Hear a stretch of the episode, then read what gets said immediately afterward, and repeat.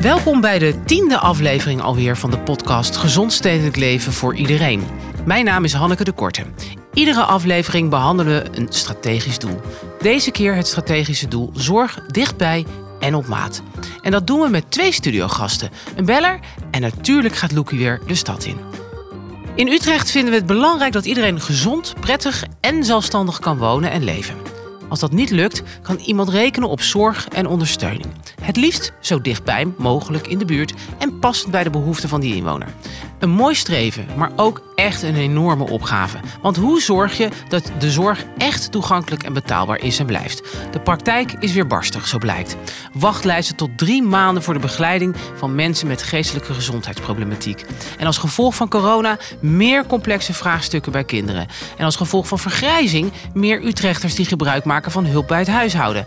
En dan hebben we ook nog de wooncrisis, die zorgt voor een meer diverse groep daklozen. Er is dus veel om over door te praten met de twee collega's die hier tegenover me zitten. Tessa de Jonge houdt zich bezig met een thuis voor iedereen. En werkt samen met een heel nieuw team op het snijvlak van het sociaal domein en het ruimtelijk domein. En Mandy Lewis houdt zich bezig met onze jeugd in Utrecht en probeert voor strategische vraagstukken samen met de stad te komen tot praktische oplossingen. Allebei heel hartelijk welkom hier eh, in onze studio in het stadskantoor. Fijn dat jullie er zijn. Dankjewel. Dankjewel. Ja. We gaan ook bellen, lieve luisteraars, met Spoor 030 over de aanvullende jeugdhulpvragen. De teams kunnen individuele hulp bieden of in groepsverband. En Loekie gaat op bezoek bij het buurteam West, de ingang voor hulp en ondersteuning. Waar ook zij alles eraan doen om de zorg beheersbaar te houden. Maar eerst eh, naar jullie, Tessa en Mandy. Nogmaals fijn dat jullie er zijn. Uh, leuk om mee te doen aan zo'n podcast. Hartstikke leuk. Goed zo, fijn. Uh, Tessa, jij bent programmamanager Thuis voor Iedereen. Dit doe je nu vanuit een nieuw team. Dat heet Bouwen aan Sociaal. Ja, dat klopt. Um, vanuit jouw programma en dit team wordt een brug geslagen... tussen de ruimtelijke ontwikkelingen in onze stad... en ons doel om zorg dichtbij en op maat te organiseren. Um, ik kan me hier van alles bij voorstellen... maar met een groeiende stad is dat natuurlijk steeds een urgenter vraagstuk geworden, neem ik aan. Uh, ja, dat klopt. Uh, en ik denk ook, dit is gestart vanuit het sociaal domein. Dus het idee is om je vanuit het sociaal domein uh, de grote vraagstukken die daar spelen, te gaan kijken wat je in het ruimtelijk domein voor oplossingen kunt zoeken. Um, maar eigenlijk werkt die ook wel andersom. Dus ik denk dat uh, hoe urgenter het vraagstuk wordt, hoe meer je ziet dat onze ruimtelijk domeincollega's ook zoeken naar hoe houden we dat in balans. Dus hoe zorgen we dat de leefbaarheid op peil blijft. wat vraagt dat van onze maatschappelijke partners. Dus ik, waar het begonnen is vanuit sociaal domein naar ruimtelijk, zie je eigenlijk dat het nu twee kanten op gaat.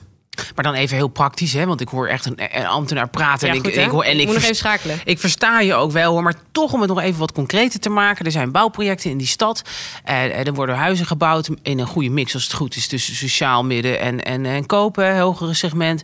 Er wordt groen aangelegd. Nou, eh, misschien dan komt er een onderwijsinstelling enzovoort waar raakt dit de vraagstukken waar ik het net over had in de opsomming van mensen die meer begeleiding nodig hebben, die echt, nou, soms ook wel uh, uh, hulpbehoevend zijn, mag ik het zo formuleren op allerlei manieren. Waar raakt zo'n bouwopgave dan die opgave in het sociaal domein? Eigenlijk is het zo dat uh, je zou willen vanuit die opgave Zorg dit op maat dat iedere Utrechter mee kan doen in de wijk waar hij of zij woont, zoals jij en ik. En eigenlijk ook omdat we zien dat op het moment dat jij uit zorg komt, vaak gewoon het beste is om mee te doen in het wijkje waarin je woont. Dus om ja. mee te doen aan sociale activiteiten, om te kunnen steunen op je buren. Um, en dat zien we op allerlei manieren. Dus we zien het bijvoorbeeld aan jongeren die uitstromen uit jeugdhulp. We gaan ze volgens mij zo bellen met, met Rick. Um, die hebben er eigenlijk heel veel baat bij om niet ergens ver weg uh, in een apart huisje te zitten, maar uh, op de Uithof tussen andere studenten in een, uh, in een kamer van de SSH. Um, omdat dat eigenlijk meer een soort kickstart is van hoe kun je weer mee gaan doen aan de maatschappij. En op het moment dat de ruimtelijke collega's die daar nou niet iedere dag mee te maken hebben, moeten gaan kijken hoe ontwerp je dan zo'n buurtje, hoe ontwerp je dan zo'n wijk, zo'n gebouw. Um, dan, dan is het ook niet hun expertise om te bedenken wat is er dan voor nodig. Dus daar is die samenwerking volgens mij heel belangrijk. Mooi. Nou, ik hoop dat we in deze uitzending ook nog wat mooie voorbeelden uh, kunnen delen met de, met de luisteraars. Hè, om het nog, nog om concreter te maken hoe je dat dan ook in de praktijk doet. Um, er zijn natuurlijk ook wel, er is ook wel sprake van een heleboel crisis. Hè? Kansencrisis, wooncrisis, de oorlog in Oekraïne natuurlijk, corona noemde ik al.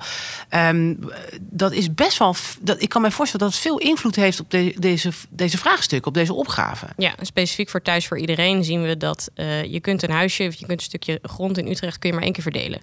Um, dus op het moment dat er mensen uit Oekraïne zijn die een plekje verdienen in Utrecht, uh, jongeren die uitstromen uit jeugdhulp, uh, dan is het aan ons om goed de afweging te maken wie past waar. En daar, waar we, daar zitten we eigenlijk op het snijvlak tussen Ehm, je moet een plekje bieden voor iedereen, maar je moet vooral een passend plekje bieden voor iedereen. Nou, voor mij is dat een heel duidelijk antwoord. Dat je dus heel, het is echt een enorme puzzel die je moet leggen om voor al die mensen die hulpbehoevend zijn op de juiste plek uh, iets te vinden. En in het licht van de crisis die er nu zijn, vraagt dat misschien wel meer dan in het verleden van ons als gemeente. Ja, ik denk dat we ook zien dat meer mensen hulp he nodig hebben bij het vinden van een plekje. Uh, ja. Dus de economische crisis die we nu zien, zien we eigenlijk direct vertaald in een toename van dakloosheid.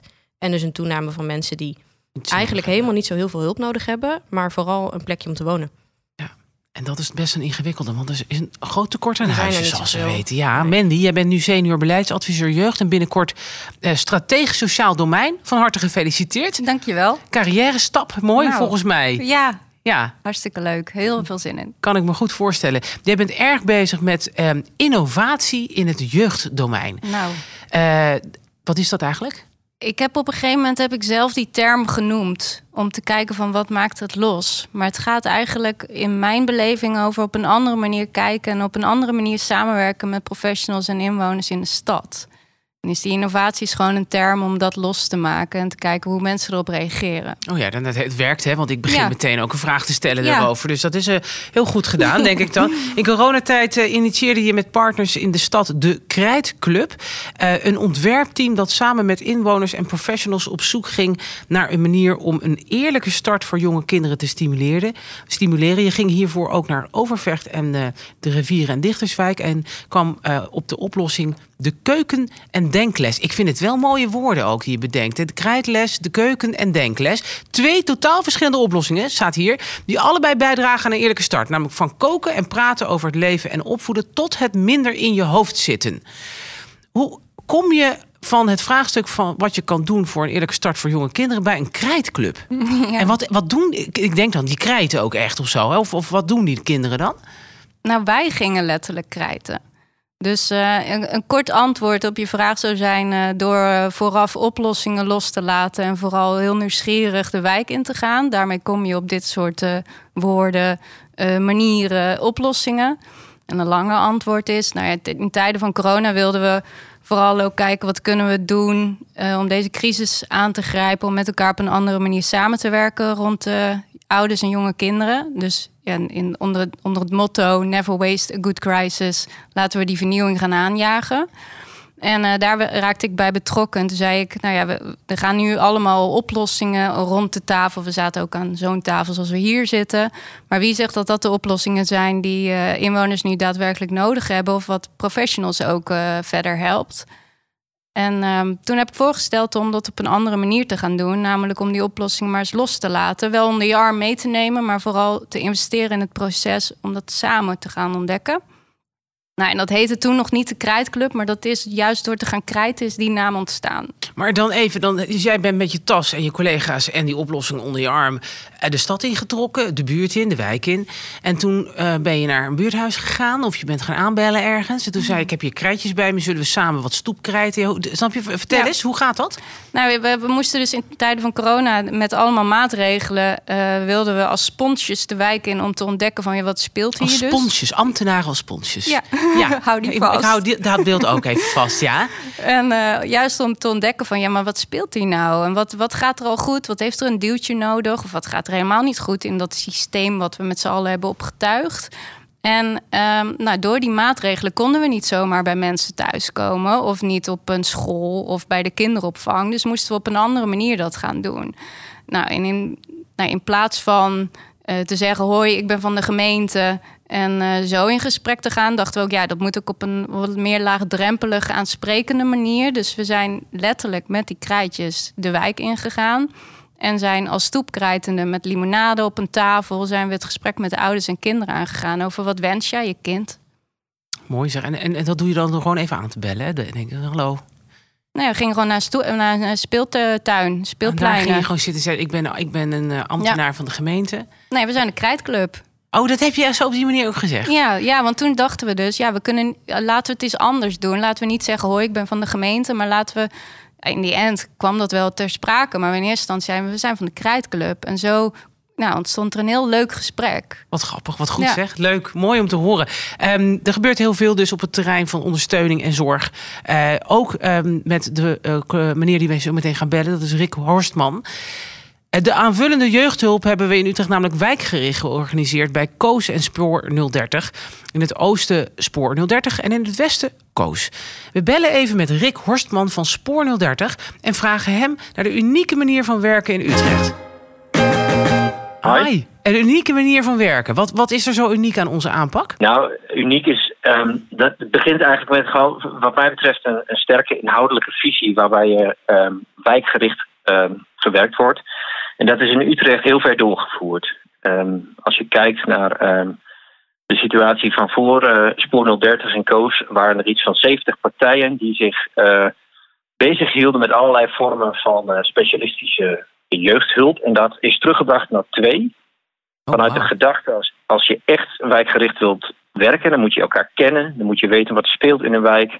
Dan moet je op scholen aanwezig kunnen zijn. En dan moet je ehm, ja, ook samen kunnen kijken, wat zijn nou eigenlijk de onderliggende issues in een wijk die maken dat er allerlei vragen naar boven komen.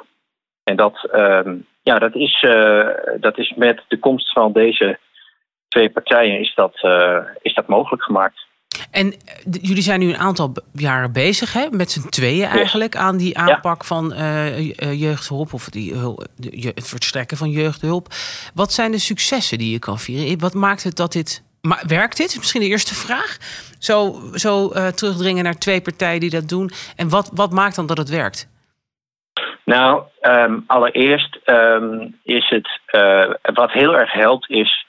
ehm, het was voor, het was, voor die tijd was het georganiseerd in allerlei specialistische organisaties met allemaal hun eigen specialisme. Dat had het gevolg dat jongeren en gezinnen soms van de ene naar de organisatie moesten met hetzelfde vraagstuk. Eh, want voor de ene organisatie was het net te, te spannend of te ingewikkeld. Dan verwezen ze weer door naar een andere organisatie waar misschien het IQ te hoog of te laag was. En dat heb je met wijkgericht organiseren, waarbij wij alle kennis en kunde in één team hebben, ehm, heb je dat niet meer. Dan kun je gewoon je collega's betrekken.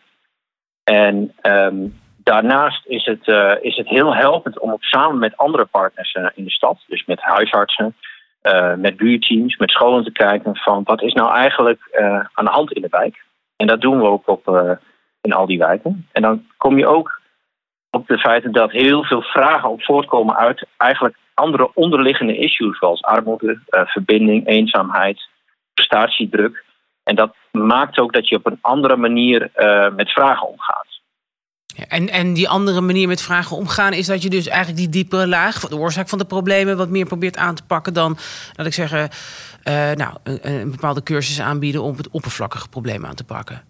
Klopt dat? Ja, bij, bijvoorbeeld. Of dat je kijkt naar wat zijn nou veel voorkomende vragen. Eh, wat we bijvoorbeeld zien in, eh, in bepaalde wijken, dat we eh, uit bepaalde hoeken heel veel individuele vragen kregen rondom druk gedrag. Nou, dan ga je eens ook Druk kijken. gedrag, met drugsgedrag of drukgedrag? druk gedrag. Druk gedrag. Ja, met de Van K. kinderen, ja. Van kinderen. Ja, die andere hyper, ook, hyper maar dat is een ander, ander vraagstuk. drukke kinderen, ja. Ehm, Ja. Ehm, en dan ga je kijken van wat is hier nu eigenlijk aan de hand? Zijn het allemaal individuele vragen van kinderen? Is er iets met die kinderen aan de hand? Of is het, eh, is het iets waar je samen met ouders naar moet kijken? En dan ga je in gesprek met, eh, met scholen, met huisartsen.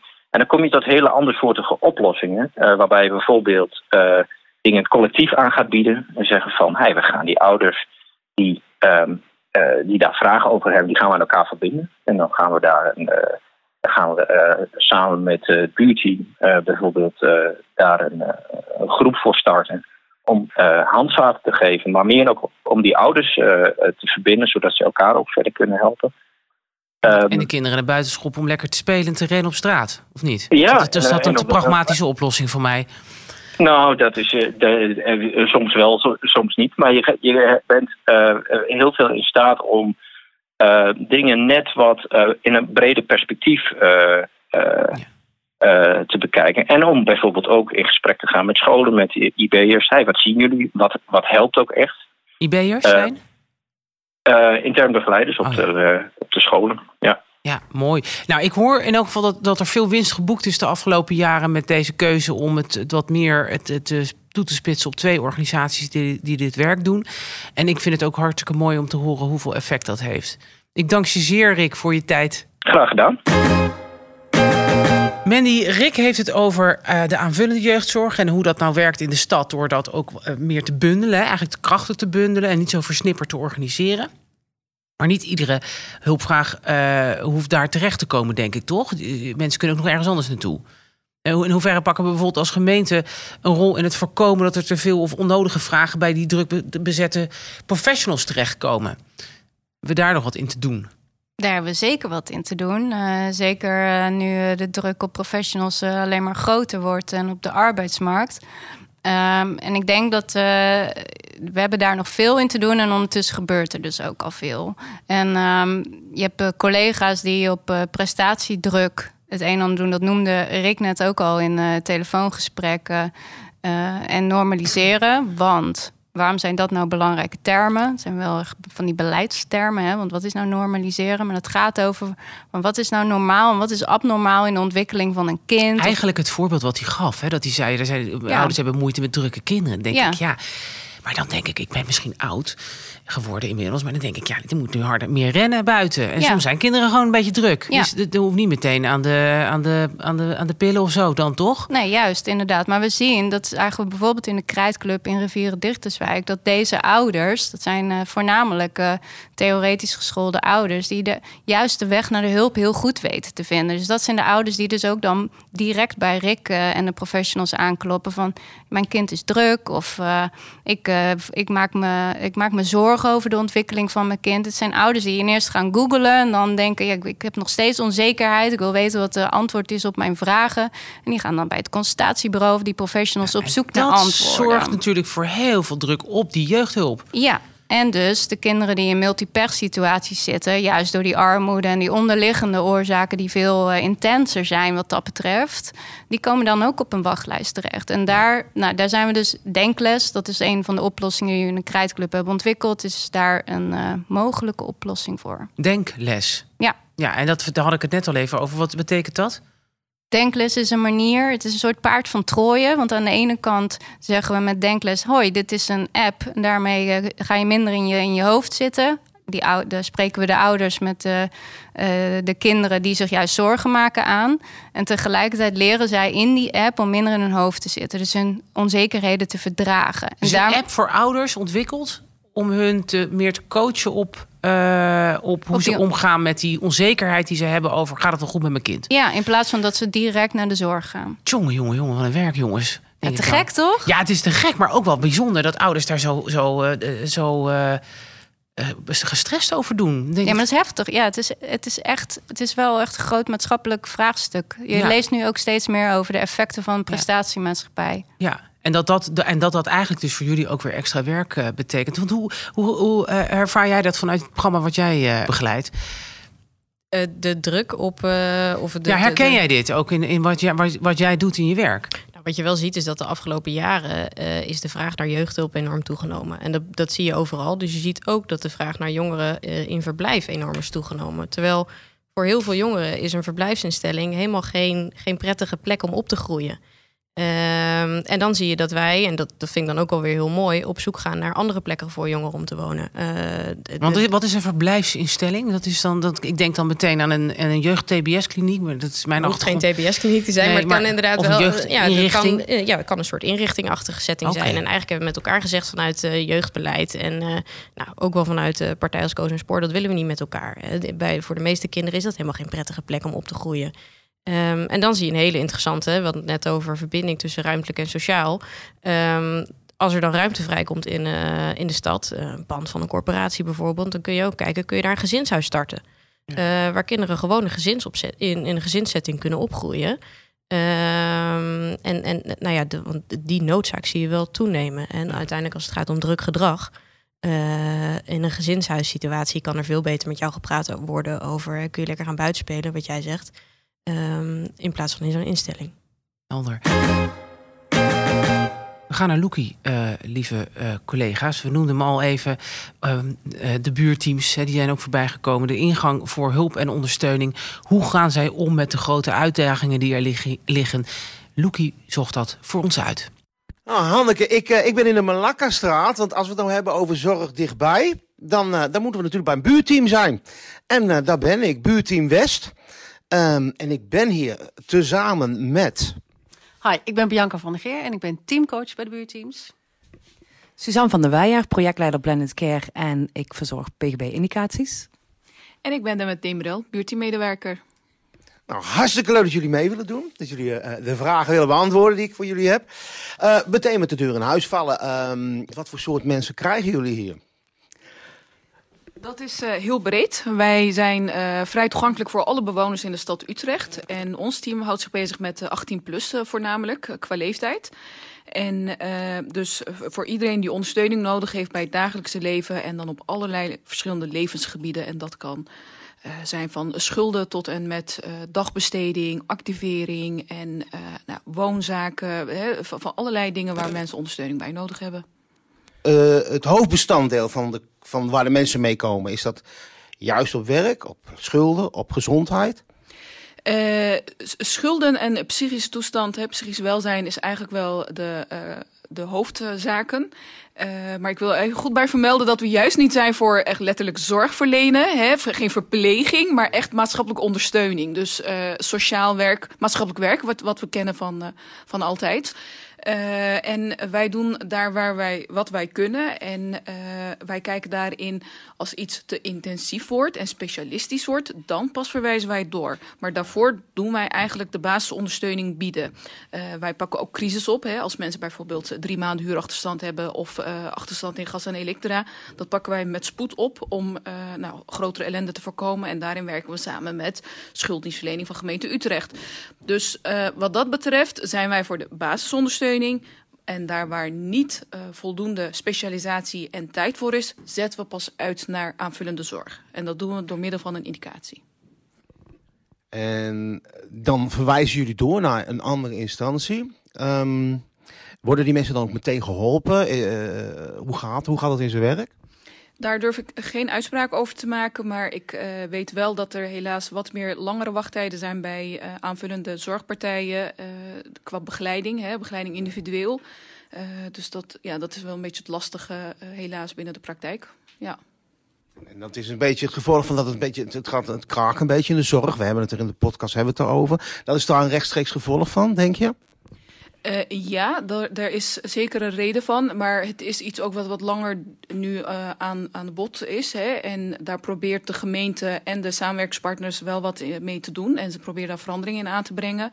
Alleen het kost gewoon wat tijd om ook aanpak te veranderen. Hè. Dan zit je eerder op preventie bijvoorbeeld. En nou, zo zijn een paar zaken wat je probeert aan te pakken... om die wachttijden op lange termijn korter te krijgen. Verliezen die mensen dan niet een beetje het vertrouwen in jullie... als ze jullie, jullie helpt, helpt. En dan zeg je, nou, ik verwijs je door de gemeente. En dan vervolgens uh, laat ze een jaartje hangen ergens. Uh, hoe voelt dat? Nou, wij, wij laten mensen nooit zomaar gaan als we bijvoorbeeld een indicatie hebben gegeven. Het is altijd goed om te weten dat hè, je hebt een contactpersoon bij het buurteam. En als wij zien dat diegene op dat moment hulp nodig heeft, dan zullen wij nooit zeggen: nee, wij stoppen hier omdat we een indicatie hebben gegeven. Dus dat, dat is goed om te weten. Het is natuurlijk wel zaak dat uiteindelijk de persoon de hulp krijgt die hij echt nodig heeft. En daar helpen natuurlijk de wachtlijsten niet in mee. Maar voor die tijd kunnen wij in ieder geval kijken wat we kunnen doen samen met de klant. Waar denken jullie nou dat de kracht van een buurteam ligt? Nou, ik denk dat het fantastisch is om met zo'n organisatie iedere dag weer op pad te gaan bij mensen thuis. En de kracht daarin is voornamelijk dat wij uh, laagdrempelig zijn. Hè, qua uh, dat wij naar mensen toe gaan of dat mensen ons kunnen vinden. En dat we daarin ook heel breed kijken naar wat er nodig is. Dus uh, de vraag kan zijn misschien vanuit een klant dat hij bijvoorbeeld ondersteuning nodig heeft bij uh, financiën. Maar daaruit uh, kan je wel door middel van een, goed gesprek en een goede ondersteuning uithalen wat er nog meer nodig is. En soms heb je een vraag achter een vraag. En daar kom je het beste achter als je bij mensen op de bank zit en een goed gesprek hebt met elkaar. Jullie werken samen met ketenpartners. Hoe belangrijk is die samenwerking? Nou, die samenwerking is voor ons heel belangrijk. Um, ook vooral voor onze zichtbaarheid uh, en het bereik voor klanten, toekomstige klanten wellicht. Um, wij, hebben, wij zorgen ervoor dat we uh, soms op locatie ook gaan zitten, zoals bijvoorbeeld een spreekuur houden bij de moskee of bij de huisarts of wel bij de voedselbank. En daarmee hopen wij wat zichtbaarheid te creëren, zodat mensen uiteindelijk weten, dezelfde weg weten naar ons toe.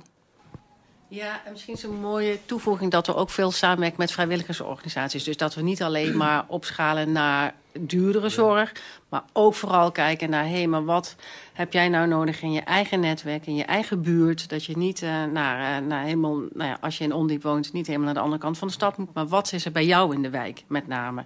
Bijvoorbeeld een dok die heel veel uh, aanbod heeft op van alle handen dingen. En hoe kan je daarbij, kunnen we een maatje voor je vinden? Dus dat is wel echt wat we zeg maar ook doen naast uh, nou ja, kijken van wat heb je nodig en is het specialistische zorg, maar vooral ook echt afschalen naar die vrijwilligers in je eigen wijk. Dat is het belangrijk. En dan ben je ook sneller geholpen. Zeker. Vaak dan, dan wanneer je op een wachtlijst komt. Ja, ja, ja, ja. ja, ja. Anneke, um, ik hoop dat het allemaal een beetje duidelijk is. Ik had dus echt een beetje het idee dat de zorg uh, uh, alleen maar ging over drukverbanden en, uh, en gebroken benen. Maar het is dus veel breder. Gesprek terug naar jullie. Dankjewel, Loekie. Ja, het is inderdaad veel breder. Dat hebben we ook dit, deze podcast kon, kunnen horen. Dankzij uh, de informatie die Tessa en Mandy en ook onze inbeller Rick ons heeft gegeven. Um, Tessa, ja, er werd al gesproken over dichtbij, hè, zorg dichtbij organiseren. Tegelijkertijd tekort aan woningen, effecten met die stikstofcrisis. Daar hebben we nog niet eens over gehad. Deze uitzendingen, al die andere crisis. Nee, die we al hebben benoemd.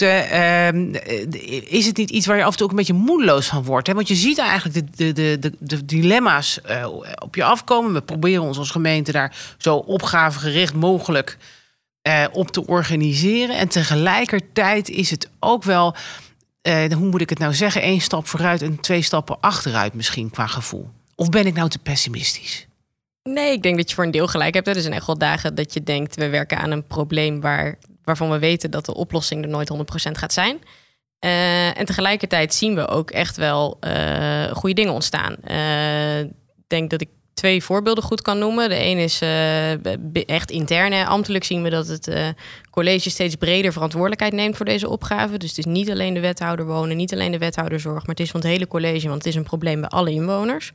Um, ander, meer praktisch voorbeeld is dat we ook bij de inwoners zelf, die niet met zo'n vraag zitten, zien dat zij een stapje naar voren doen. Initiatief is uh, dat heet Onder de Pannen. Uh, daarbij kunnen um, mensen die in een sociale huurwoning wonen aangeven... nou, ik woon eigenlijk misschien wel in een best grote woning. Ik heb een kamertje over, of misschien wel twee. Uh, en iemand die lang op de wachtlijst staat voor een zelfstandige woning... mag bij wij komen wonen. Word ik niet gekort op eventuele toeslagen die ik krijg. En dan maak ik gewoon ruimte vrij in mijn huis. Dus dat vind ik ook wel hoopgevend. Dat het niet alleen een probleem is van, van de zorgpartijen. Nee, dus je zegt ook heel belangrijk dat het college hier, dus ook het bestuur van onze stad hier, dus ook ruimte verbiedt door zelf ook daar integraal naar te kijken. Zeker, zeker. Ja, ja, ja, ja, dat is echt heel belangrijk. Dat we, want het heeft op alle beleidsterreinen invloed. Uh, ja. Je moet altijd een lastige afweging maken. Waar iemand gaat wonen, kunnen we iets anders niet meer doen.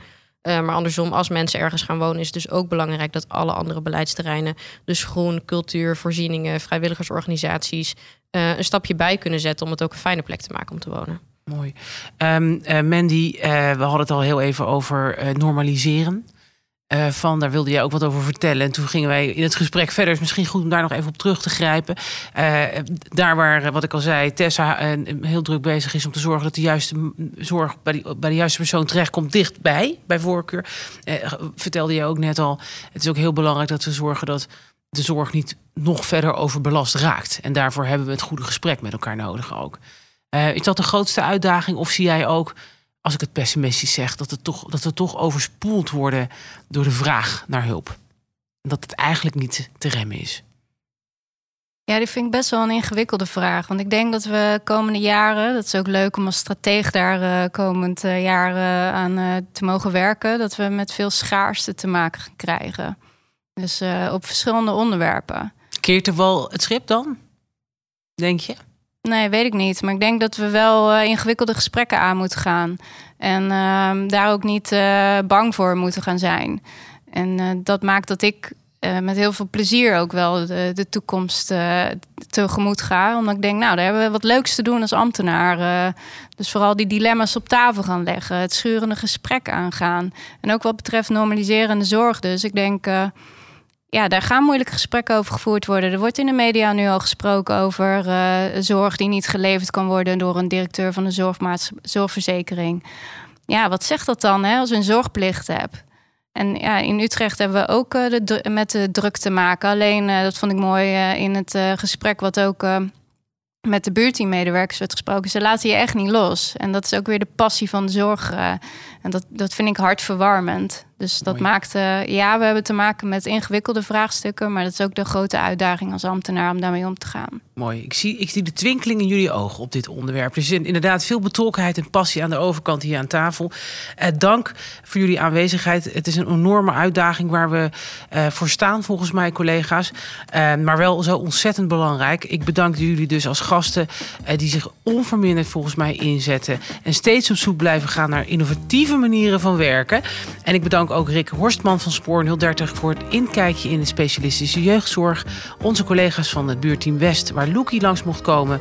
En hierna volgt nog één strategisch doel als podcast. Dat is een veilig en leefbare stad. Tot dan.